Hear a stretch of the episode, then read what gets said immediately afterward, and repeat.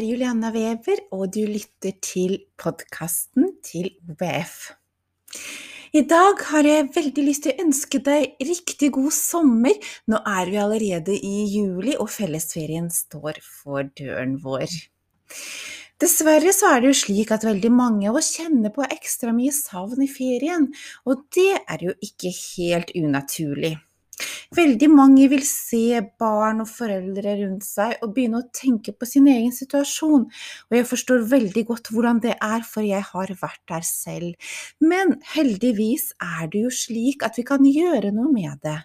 Vi kan nemlig vende fokuset innover og bruke ferien til å gjøre noe godt for oss selv, til å pleie oss selv, til å faktisk få det bedre Slappe av og lade batteriene, slik at vi er i full gang til høsten, rustet til å håndtere alt som kommer vår vei.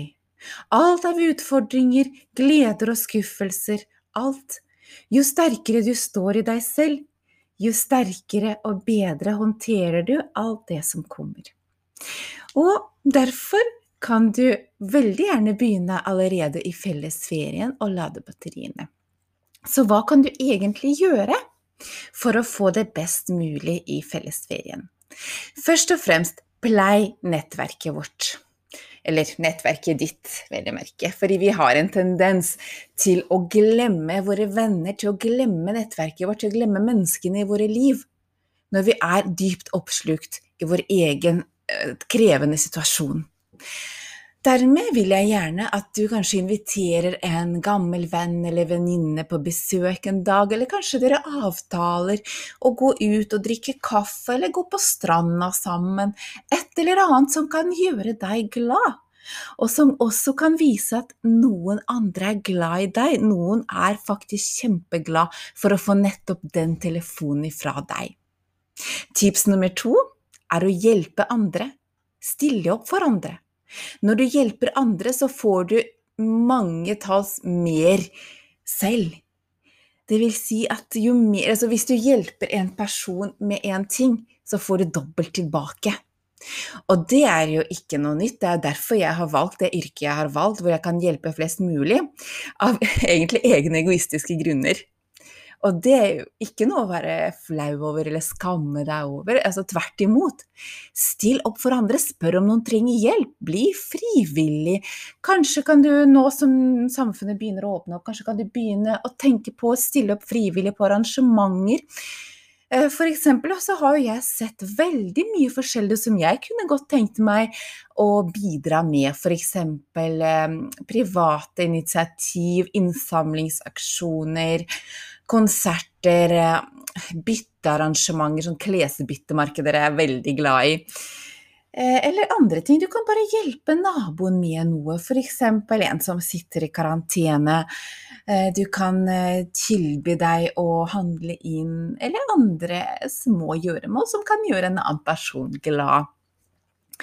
Tips nummer tre er å rett og slett pleie deg selv og gjøre deg selv glad. Og mine favoritter innenfor egenpleie er eh, først og fremst å ta et, eh, et, godt bad, kanskje noe aromaterapi. Men for de som ikke er eh, ja, fullt så opptatt av dette her med, med dufter og det eh, kinestetiske, så holder det også å høre på god musikk og bare koble helt av. Noen velger å meditere og trene og bruke kroppen. Andre igjen liker å gjøre yoga. Finn én aktivitet som du syns er, gir deg noe personlig, som du føler er meningsfull for deg, og som gir deg god energi. Og hold på den aktiviteten. Kanskje vil du få en ny vane som du også tar med deg i, eh, til høsten, og utover vinteren også. Og tips nummer fire det må jo være hodet vårt, for det må også ha pleie, ikke bare kroppen, ikke sant? Og for å pleie hodet ditt, så må du gå inn i tankene dine, inn i de prosessene som foregår der, og legge merke til hvilke tanker fins der inne. Og hva kan du faktisk snu på? Jeg har allerede snakket om tankefeller og våre negative tanker. Og, og det, hvis, hvis, du er litt usikker på hva jeg mener, så er det bare å gå tilbake eh, noen episoder og høre det om igjen. Men i hvert fall å pleie tankene, både med tanke på å finne tankefeller og finne ting som ikke er helt optimale for deg, som, tanker som får deg til å føle deg dårlig, og snu på de, men også å legge til noe positivt i livet. Noen positive tanker, impulser utenfra. Tving deg selv til å se det positive. Det kan f.eks. være at du bevisst legger merke til fine farger i naturen.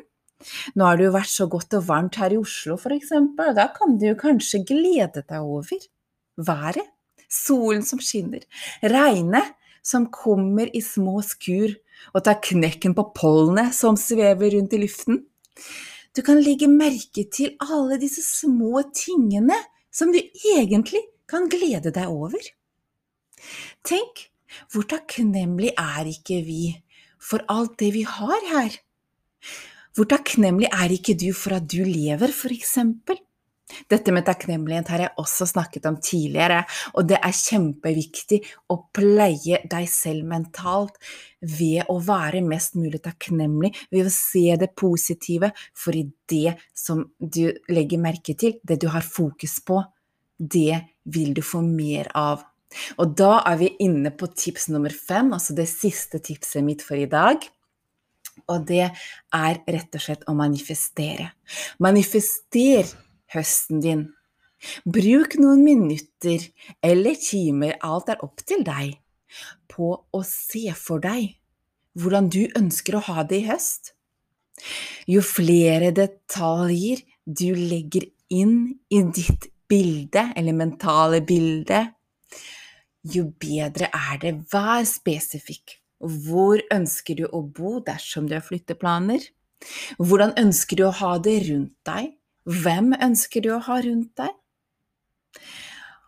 Og ikke minst, ønsker du, hvilke mennesker ønsker du å omgås med, og hvordan vil du være som menneske?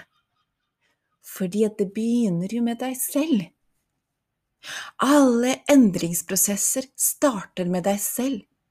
Du kan ikke forandre situasjonen din uten å forandre deg selv Å gå inn i deg selv og virkelig lete etter ikke det du ikke vil ha, ikke det du vil bort fra, men det du virkelig ønsker, det du vil til, det du vil oppnå.